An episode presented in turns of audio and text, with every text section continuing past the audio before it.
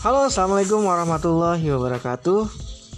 Bertemu lagi bersama saya Asep Hidayatullah dan Siu mana garing.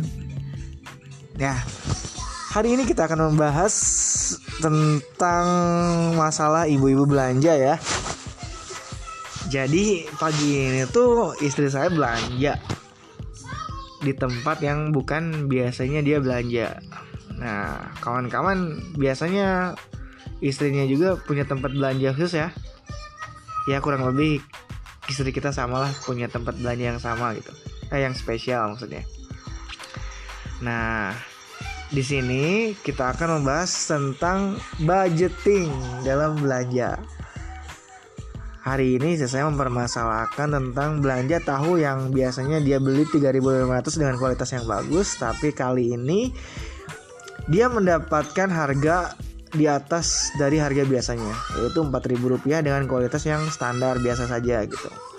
Nah, ini menurutnya ini adalah masalah yang sangat skal sangat apa ya? Nah, aduh, saya dicubit. masalah yang amat sangat fatal gitu karena 500 rupiah itu bisa menurutnya menyewa apartemen di Wiz Khalifa di Dubai sana katanya tapi entahlah kadang wanita itu misterius. Bahkan bapak sosiolog Sigmund Freud juga setelah lama 30 tahun dia ya pernah meneliti tentang perempuan.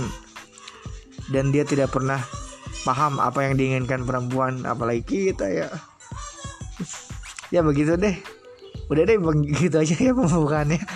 Nanti akan kita bahas kembali di podcast berikutnya. Dia tentang bagaimana sih mama belanja. Oke terima kasih. Wassalamualaikum warahmatullahi wabarakatuh